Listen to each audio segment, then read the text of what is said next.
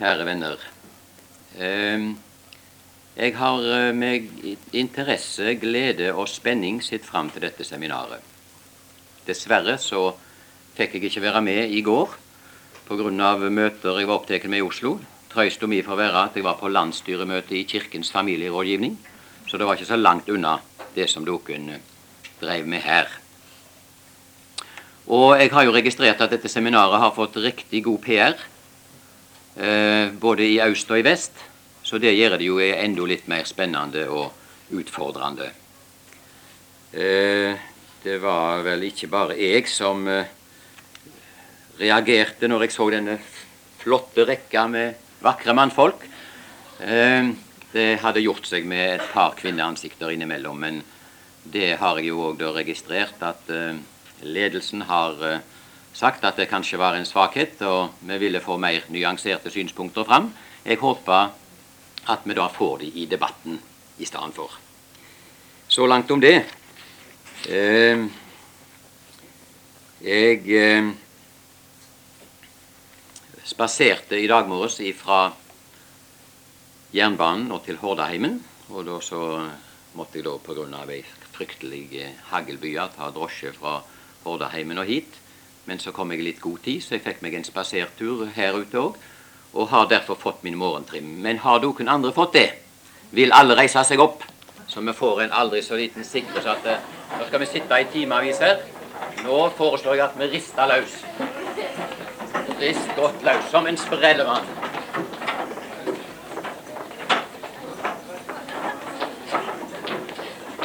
Også den skikkelige morgenstrekken da ligger oppe i taket holde han der og stå på tå. Og så tar vi en knebøyning og hører om det knirker. Og hør der, ja. Og en til. Og en til. Og så er jo sperlig skuldrene utsatt hvis en skal skrive og sitte og konsentrere seg. Noen rullinger framover og noen rullinger bakover. Og så rister vi løs igjen til slutt.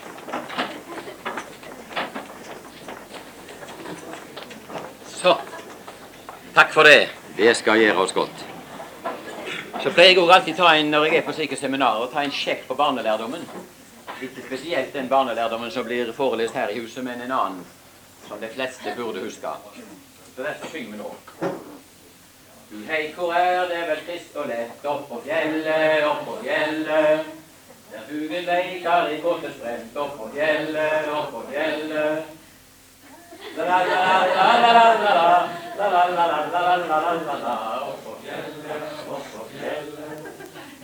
Ok, det var ikke helt fullgodt. Jeg har sjøl unnlatt å friske opp siste delen i håp om at forsamlingen skulle greie det. Men vi får være fornøyd med det som er. Jeg lurer på om jeg kan be om et glass vann. Jeg pleier å gå litt tørr når det lir litt på. Så det må jeg prøve å gardere meg mot. Ja Oppgaven min i dette første foredraget er hvordan kan ektefolk ta seg av hverandre? Når jeg gikk her oppe i Lian og så på alle disse nydelige heimene, flotte hus oppe i lia her, så tenkte jeg det at eh, jeg bør finne et fyndord som sier kort og i en sum svaret på dette spørsmålet. Hvordan kan ektefolk ta seg av hverandre? Og da er mitt svar, for å si det i en sum helt innledende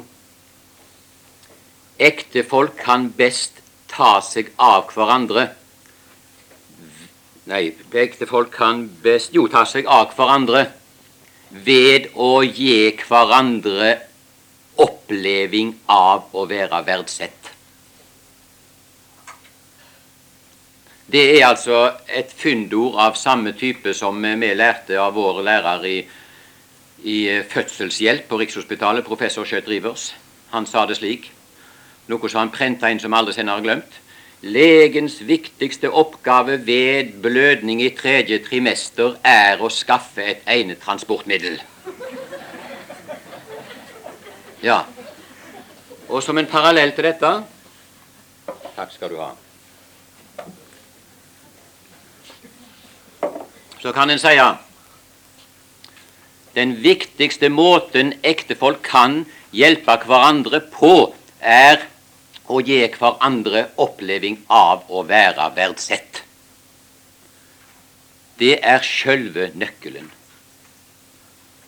Og hvordan skal en så gjøre det? Ja, det kommer vi tilbake til litt i senn. Så det får være mitt åpningsord, og det blir også mitt sluttord. Og basis for ethvert ekteskap er jo kjærleiken. Og jeg kommer her til å presentere mine tanker dels ved hjelp av ord som jeg sier herifra, og dels ved hjelp av transparenter som jeg skal vise på skjermen. Og når det gjelder da dette med kjærleiken, så fant jeg i sin tid en så nydelig definisjon hos Carl Fredrik Engelstad i hans bok 'Og størst blant dem', der han definerer kjærleiken på denne måten.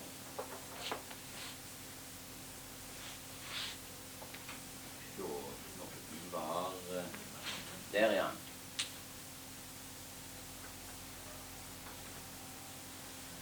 Det er hovedpersonen i denne boka som stiller spørsmålet hva er kjærlighet?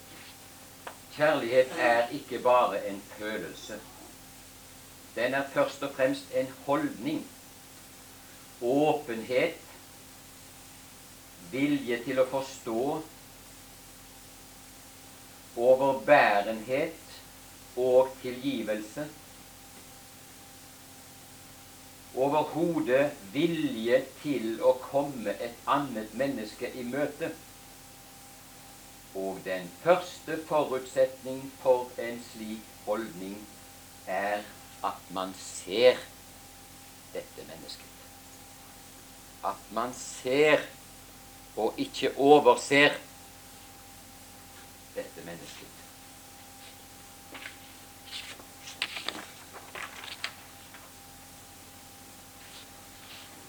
Det er altså et sitat eh, hovedpersonen Peter Havik i denne romanen. Og den sier veldig mye av det som vi skal komme inn på senere i samband med samlivets vitaminer, som er viktige tilskuddsstoffer for at ektefeller skal kunne hjelpe hverandre. Den kan jo bare stå der mens jeg går videre, hvis noen vil skrive det av. Det er jo gjerne slik at i starten av et ekteskap så ser de aller fleste den andre med beundrende blikk. De varme kjensler for rom. Ekteskapet er ei stor og berikende gåve. Med fellesskap i smått og stort, i beste fall og veldig viktig også et åndelig fellesskap at de kan dele gode og vonde ting og opplevinger. De opplever en fortrulighet som ikke var der før disse to kom sammen. Fortrulighet i samvær og i samtale. Intimitet og kjærtegn. Seksuell nyting og glede, eller glede og nyting. Høveligere rekkefølge innenfor ei trygg ramme. Forventninger om alt som skal skje i tida etter dette har starta. Og beundringa, verdsettinga av den andre. Det er noe de aller fleste opplever som en fin og positiv ting i den første tida. Beundringen. Ta vare på beundringen, var det sagt en gang helt bevisst. Det er eh, starten. De varme kjensler får dominere. Så eh, denne gåva som en da har fått i hendene, blir jo i stigende grad ei utfordring og ei oppgave, noe å ta vare på. Og skal en lukkes med det, så er det så vesentlig at grunnarbeidet er gjort. Grunnarbeidet under et ekteskap. Og det er ei uendelig djup og allmennmenneskelig sanning som er nedfelt både i første Mosebok og seinere av Jesus sjøl i Det nye testamentet. Når en mann tar seg ei kone, eller når et menneske finner seg en ektefelle, må han eller hun skilje seg fra far sin og mor si og holde seg til ektefellen sin, og de to skal være ett. Dette er ikke bare åndelige sanninger. Dette er eh, psykologi av aller fremste merke. Det er så viktig at det blir rydda i grunnforholdene, at det ekteskapets hus, som vi skal komme tilbake til, som skal bygges, at det har en solid grunn. At det er rydda rundt grunnen, og at byggverket står på i eiokraft. At det ikke har støttepilarer for å kunne stå verken hos uh, foreldre eller søsken eller andre som en ellers har vært knytta til i livet. Oppgaver og utfordringer går på å bygge heimen, styrke rammene, ta vare på den gode tonen og atmosfæren fra den første tid og utvide den, bygge en venekrets, og om og når barn kommer, og skape en trygg oppvekststad for deg, og at en underveis trener seg i å lære faresignal å kjenne i tide. At ikke sola får gå nedover breie mellom ektefellene. At en trener seg på å tåle konflikt og motsetning. Det er slikt som hører det naturlige menneskelivet til. Tåler kriser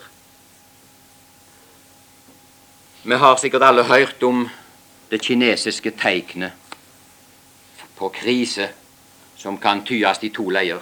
Fare på den ene sida, mulighet som åpner seg på den andre. At kriser i et ekteskap ikke først og fremst må vurderes og sees på som noe som kan føre til en snarlig ruin, men, som har i seg et potensial til å få vokster og styrking av forholdet og at en trener seg på å ikke drasse gjennom livet, gjennom år, på det som var vondt. Og her er jo nettopp dette med det åndelige fellesskap.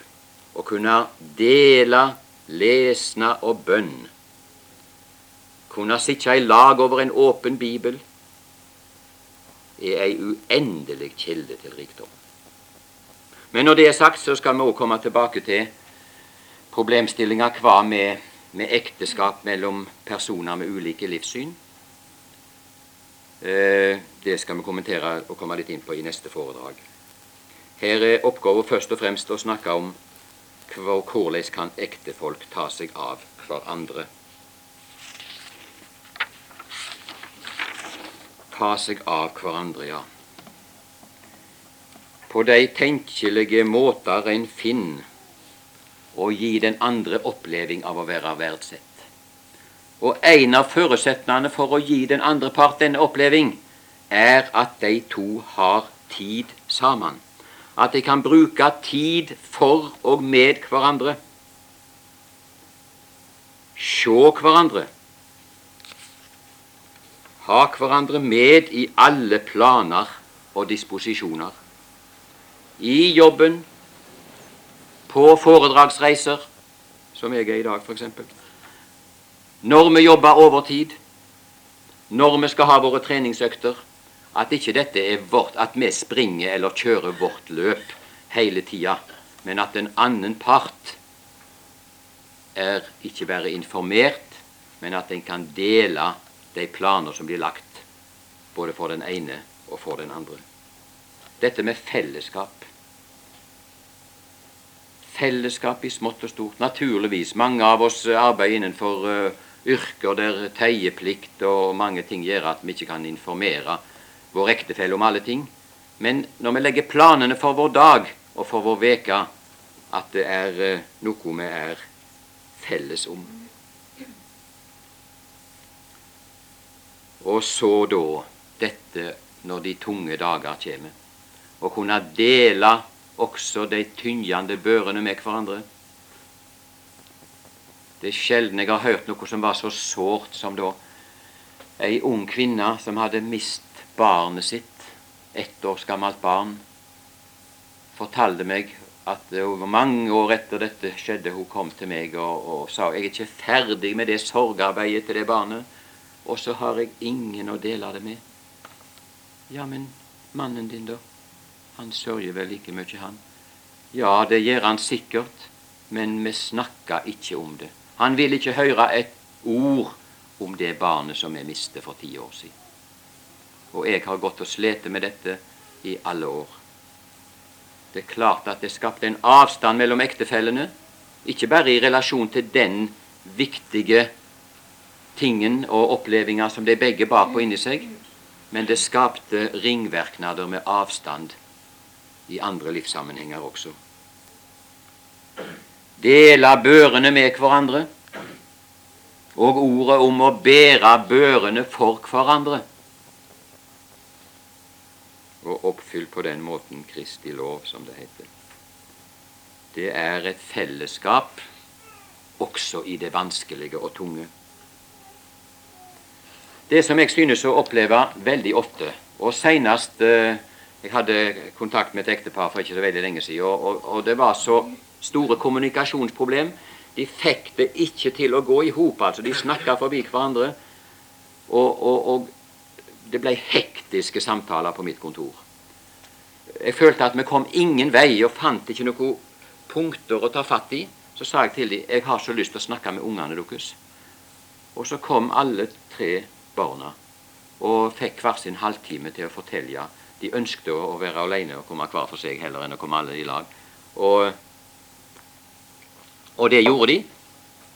Og da eh, fortal, så sa de, og det var en entydig oppfatning egentlig hos de andre Mor og far har jo ikke tid i lag. De har jo ikke tid og tar seg ikke tid for hverandre. Så har de jobben, kommer hjem fra jobben ca. på samme tid, og så er det en kamp for å få middagen ferdig, og så skal begge ha sin middagslur, og så skal de gjøre etterarbeid fra jobben og forberede til neste dag, osv. De har ikke tid til å oppleve noe som er kjekt i lag. Det er bare krav. Og nettopp det synes jeg mer og mer kommer sentralt inn når det gjelder rådgivningsarbeid òg at en må hjelpe folk til å se noe så enkelt og egentlig oppi dagen liggende som det at de har for få hyggelige opplevelser i lag. Det må settes av tid til å dele opplevelser. Enten det nå er tur på søndagstur på Fløyen eller en ukestur til Syden. Mangel på gode fellesopplevelser er ei viktig årsak til den vitaminmangel som mange ekteskap i dag lir under. For mange er det slik at livet er arbeid og arbeid. For mange er det pendling. De har, eh, skal ha for seg en rekke fritidssysler. De skal kjøre unger på all verdens arrangementer.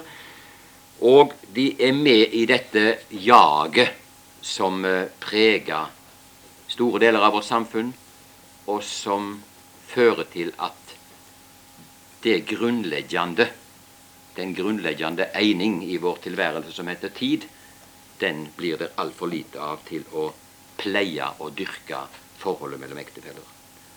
Så når spørsmålet er her hvordan kan ektefolk ta seg av hverandre, så er jammen meg, i tillegg til det med verdsetting som jeg sa innledningsvis, så er det å si og svare de må ta tid til hverandre ikke bare til det som er obligatorisk å gjøre, men til det som er uformelle ting å koble av i lag.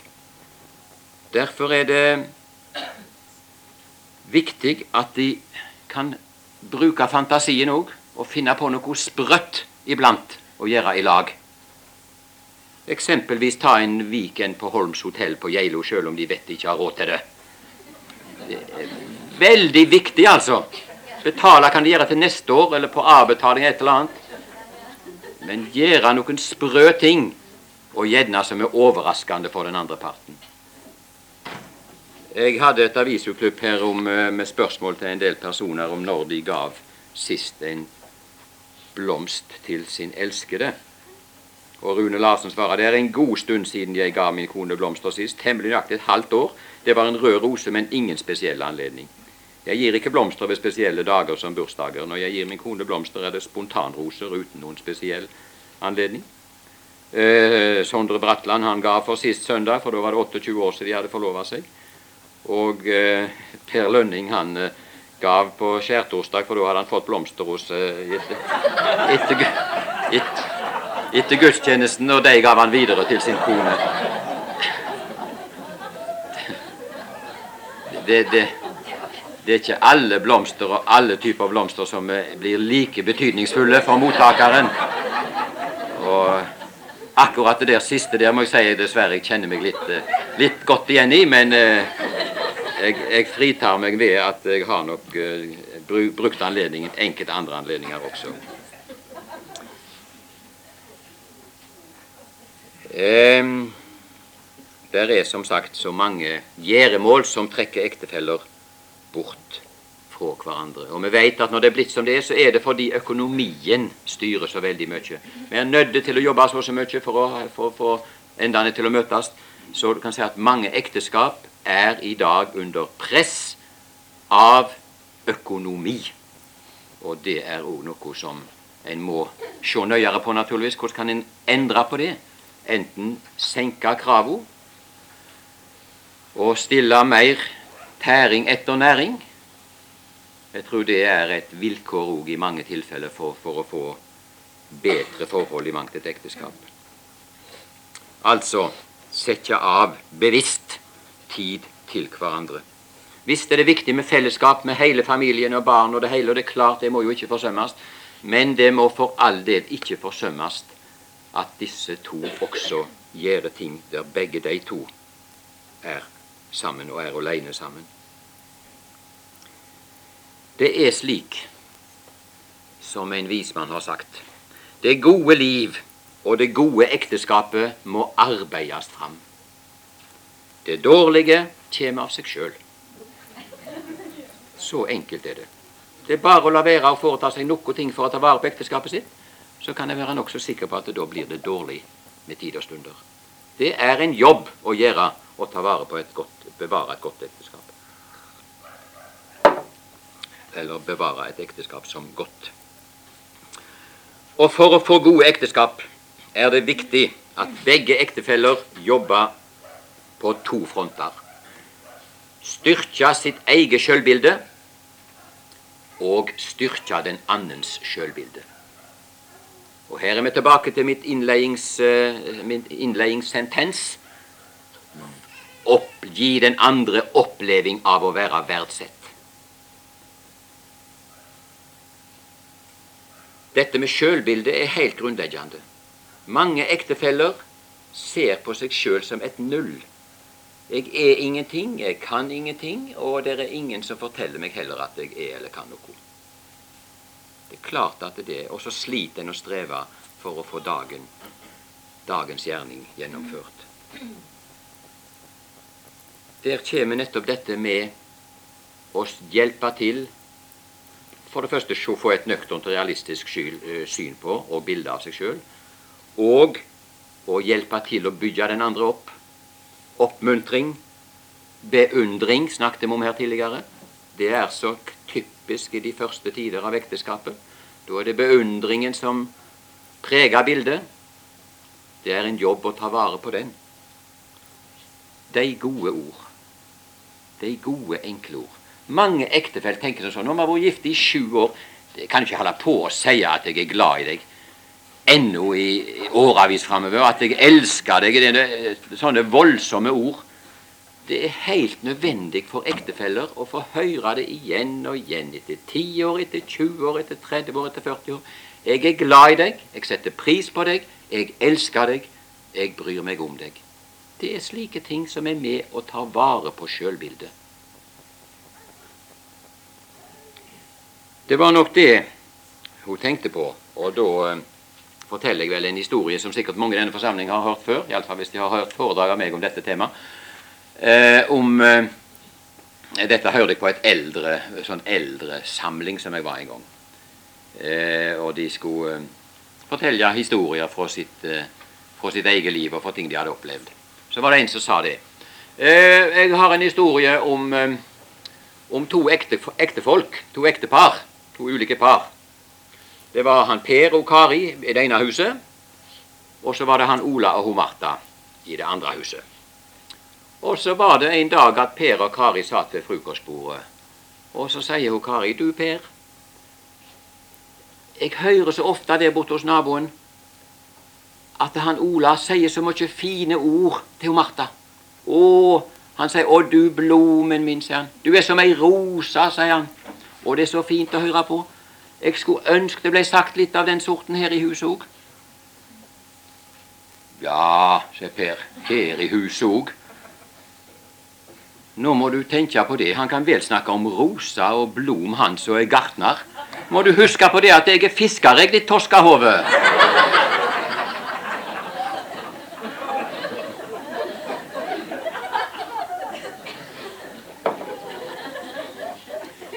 Så, så de, de, gode ord skal en ikke undervurdere.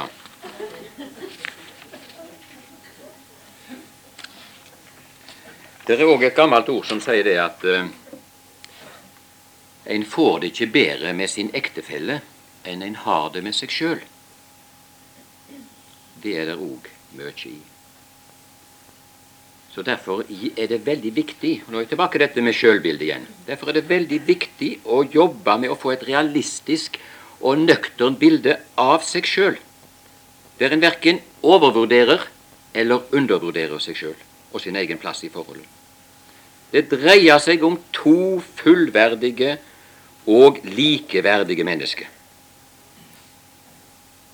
Og Det dreier seg om likeverd og likestilling i den ikke-militante tyding av ordet i forholdet. Og det er gode mål å arbeide mot, der ingen av partene verken har makt eller myndighet over den andre, eller ønsker å ha det, men der de i fellesskap arbeider seg fram til løsning når konflikt oppstår, uten å gi avkall på egen integritet og personlig fridom. Altfor ofte så hører jeg i mitt arbeid at den ene krever ut ifra sine behov og egen trang, og det gjelder ikke minst på det seksuelle området. Han krever og krever, og jeg orker ikke. Å stille krav i denne sammenhengen er både uetisk og ukristelig.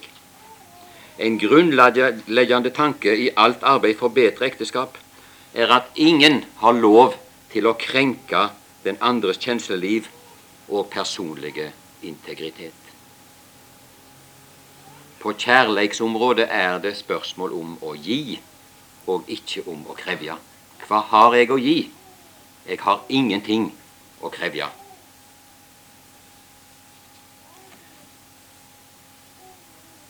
Tvert om gjør ektefolk rett i å tenke som Virginia Satir, amerikansk psykiater, som taler om mine mål. Og hun sier det da slik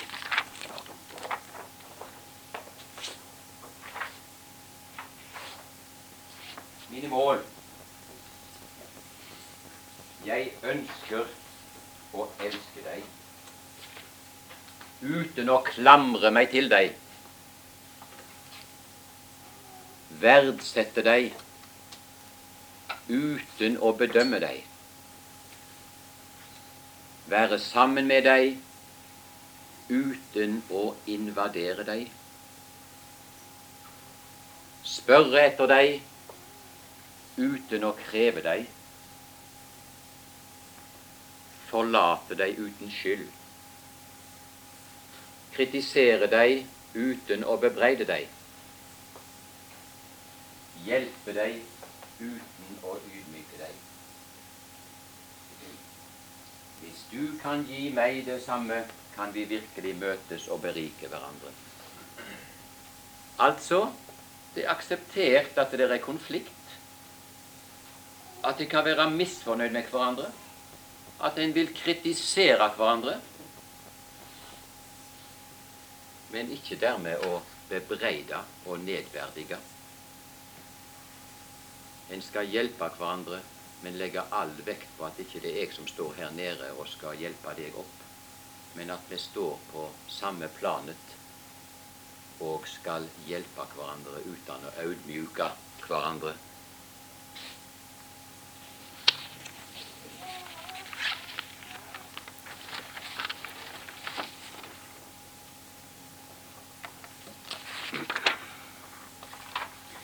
Ja, vi snakket om uh, vitaminmangel.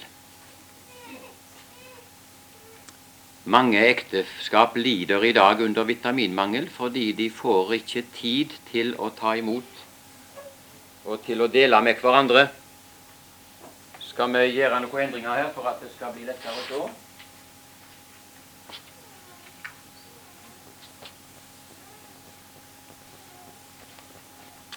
Eh, Gordon Johnsen skrev i sin tid ei bok under tittelen 'Samlivets vitaminer'. Der han da laga ei liste over seks sentrale vitaminer som trengs om et samliv skal blomstre. Jeg har senere supplert den lista litt, eh, slik at vi kommer opp i et rundt tall ti ut ifra røynsler som jeg har gjort gjennom mitt arbeid, og som eh, jeg syns jeg har eh, truffet så ofte på at det var grunn til å ha de med som særskilte vitaminer. Så hvis eh, vi er klare nå til å, å ta vekk den transparenten der, så vil jeg gjerne skifte han ut.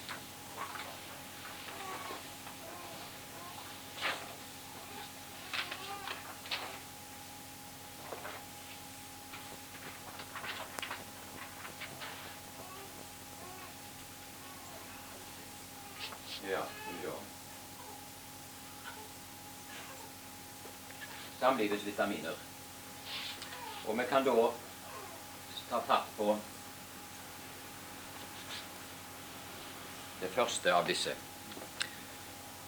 Det første jeg vil nevne, er gjensidig respekt. Vise respekt for hverandre, hverandres tanker, hverandres meninger, hverandres oppgaver. Det er ikke noe som er nesten sårer i den forbindelse å oppleve enn det jeg har gjort en del ganger når jeg har vært på taleaffærer rundt omkring i landet og kommet inn i en heim og eh, har blitt eh, tatt inn i stua og eh, kona i huset har dekka bordet, og jeg sitter i stua og prater med mannen, og, og, og vi setter oss til bords og skal ete. Og en får en fornemmelse av at det går signaler fra mannen til kona om at eh, nå kan du tie, for nå skal taleren og jeg snakke i lag. Altså en slags eh, respektmangel som jeg opplever som må være veldig vond for den som, eh, som da ikke blir vist respekt som likeverdig i en sånn situasjon. Res gjensidig respekt som går på likeverd og vilje til å sette den andre høyt. Respekt er et viktig samlivsvitamin. Tillit, tillit som jo eh, Jeg var litt i tvil her. Skal jeg la tryggleik være en egen vitamin, eller skal jeg si det sammen med tryggheten, med tilliten? De henger jo så urokkende sammen. Det er jo tillit som er fundamentet for at en kan kjenne seg trygg i forholdet. Og som dere skal få se i eh, neste foredrag, når vi kommer inn på dette med årsaker til at det kommer kriser i ekteskap, så er jo tillitsbruddet, enten utruskap eller andre former for tillitsbrudd, aldeles fundamentalt øyeleggende for et godt forhold. Da det skjedde, rakna all min tillit til han. Jeg skal vi greie å bygge dette opp igjen, så trenger jeg mange år for å få gjenvunnet den tilliten. Så tillit og trygghet henger urikkende sammen. Hvis ikke jeg vet at jeg kan lite på min ektefelle, så, så, kan jeg heller ikke kjenne meg trygg i andre livets forhold i vår heim.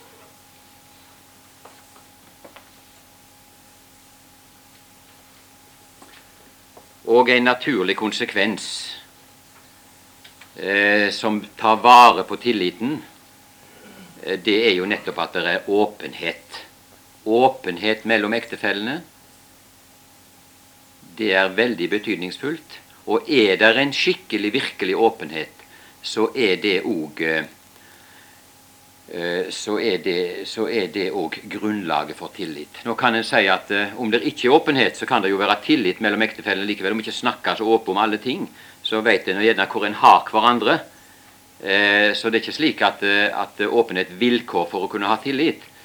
Men, men åpenhet er med å styrke tilliten. At en vet om hverandre og hva den andre steller med og driver med. Så derfor er det et, et viktig eh, vitamintilskudd, det også.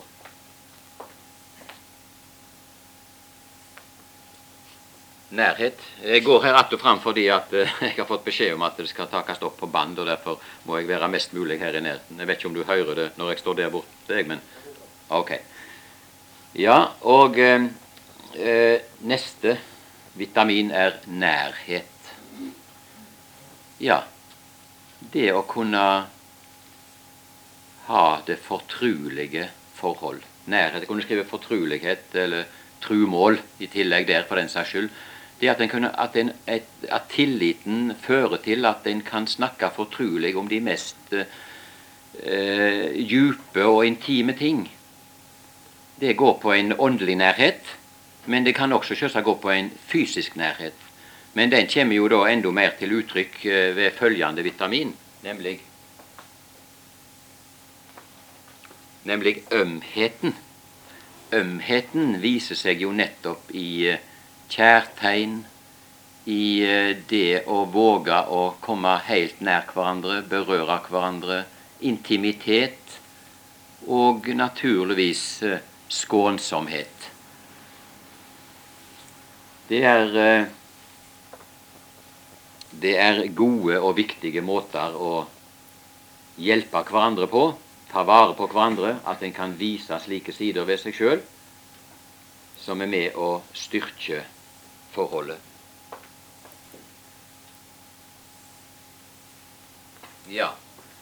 Eh, her la jeg på et adjektiv som trengs for så vidt ikke være der. Men kommunikasjon og kontakt, naturligvis målet er han skal være god. Eh, kommunikasjon, og det er nok et dominerende problem i mange ekteskap i dag, at kommunikasjonen svikter. Og det er igjen ofte eh, med bakgrunn i at de ikke legger grunnforholdene til rette ved å bruke tid. De kommuniserer dårlig fordi de trener for lite på å kommunisere. Skal to ektefeller kunne snakke sammen, så må de trene på det og jobbe med det. Jeg hadde et annet avisutklipp eh, som eh, illustrerte noe av dette. Og det var dette som da gikk både på tillitssvikt og på kommunikasjon. Det var eh, et av disse eh, fredagsinnleggene i Vårt Land om familieproblematikk, der overskrifta heter 40 og forelsket'. Der det er en mann på 40 år som er blitt forelska i ei anna kvinne. Kanskje min kone også kunne tenke seg å oppleve noe lignende som jeg gjør, ja. Vi er blitt så fremmede for hverandre, mens den nye synes jeg at jeg har kjent bestandig, og prater lett med henne. Overfor min kone har jeg alltid følt meg underlegen fordi hun er så flink med ord nå kjenner jeg det befriende å føle og kjenne at jeg lever. Altså, kommunikasjonen fungerte ikke. De hadde sikkert jobba altfor lite med det og hadde hatt for lite åpenhet omkring det å kommunisere. Og med det resultatet at, eh, som vi også skal komme inn på i neste foredrag, det er ofte når noe har skranta på forhånd, at det skjer også at en av, en av ektefellene søker utenfor forholdet. Vi går videre til eh, neste vitamin. Eh, det er jo helt grunnleggende. Tilgjeving. Dere huske kanskje eh, for noen år siden så, så var det en anket i en eller annen avis der folk ble spurt hva er det viktigste ordet i mellommenneskelig kommunikasjon. Blant annet ble Lars Korvald spurt, og han svarte ganske spontant tilgjeving. Tilgivelse er det viktigste ordet mellom mennesker. Og det er klart at det er også et fundamentalt prinsipp når det gjelder forholdet mellom ektefeller. Vi vet at ting vil skjære seg, at det kommer kriser, at det kommer ting som en har behov for tilgivning for, at en gjør ting mot hverandre, sårer hverandre. Og da er det helt grunnleggende at det også for begge parters side er vilje til å tilgi. Så ja, det er, et av de som jeg nå har føyd til. Dette med forholdet mellom to ektefeller. Det er så viktig at en kan ha en atmosfære som ikke bare er alvorlig og tung og dyster, men at en jobber bevisst på det og, og få humøret fram på den lette, gode tonen. Ikke minst i forholdet til barn og atmosfære som de skal vokse opp i, så er det ei viktig kjelde til, til eh, trivsel og til et stabilt og og godt forhold. Uh, så, og endelig, her er det som jeg var inne på, å finne på noe sprøtt og gjøre noe ekstraordinært. Blomster litt oftere enn det var ellers har vært, og, og, tur på Holms hotell, som sagt. Uh, det er slike ting som, som frisker opp i et forhold som er i ferd med å surne. Da er det desto mer vesentlig å være våken for at det kan gjøres ting. En ny vri, en overraskelse, noe som ikke var venta. Og endelig Det er jo ei frukt av mye av det andre. Omsorg. At jeg bryr meg, at jeg viser min ektefelle at du er viktig for meg, og at det er viktig for meg at du har det bra. Det gir seg utslag i konkret omsorg. Men som sagt, og nå bare tar jeg med liksom det som ikke kan kalles et vitamin, men det er mer et grunnleggende næringsemne som er, er, er livsviktig. Og det er det vi har allerede sagt, å kunne ha tid sammen. Tid sammen. Ja, det får være med det der. Og så går vi videre. Nå er sikkert tida mi òg ute, er ikke det? Det er tre kvarter vi ble enige om. Hvor langt mye har jeg brukt av de? To minutter igjen, ja, men jeg skal prøve å være skal prøve på det, jeg. Ja, altså å syte for at disse vitaminene fins i forholdet, det er å ta seg av hverandre. I denne sammenhengen så, så kom jeg over et av Bente Bratlund Mælands eh, herlige dikt, vil jeg si. Å ha tid for hverandre. Vi har det så travelt. Det er så mye som krever oss. Hus, heim, arbeid, fritidssysler, Alltid er vi på vei. Til noe, fra noe. Hvor lenge er det siden vi stogga opp og så hverandre? Der er vi tilbake til Engelstad igjen. Såg hverandre. Såg inn i andletet til den eller de mennesker som skulle stå oss nær. Såg smilet eller smerten.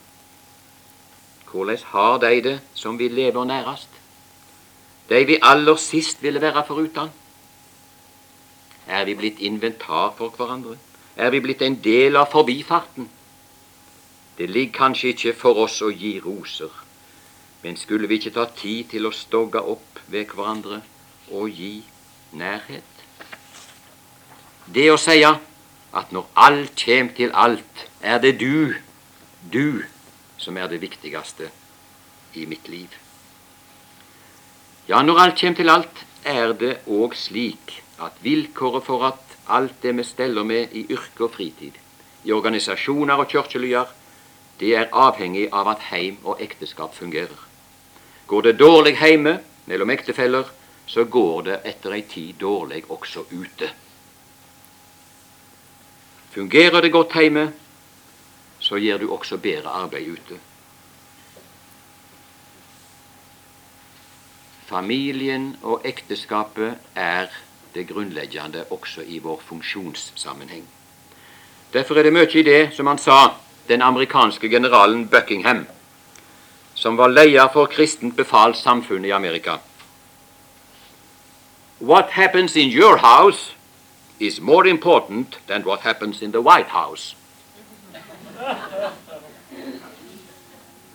Den er ganske tankevekkende. For at et ekteskap skal mognast og vekse, må hver av de to ha gode vokstervilkår. Derfor må de heller ikke stå for nær hverandre, så de kommer i hverandres skugge. Og dette har da eh, den libanesiske dikteren Khalil Gibran formulert på en nydelig måte, som de fleste av dere kjenner. Det tar oss det, det minuttet som skal til for å få det med òg.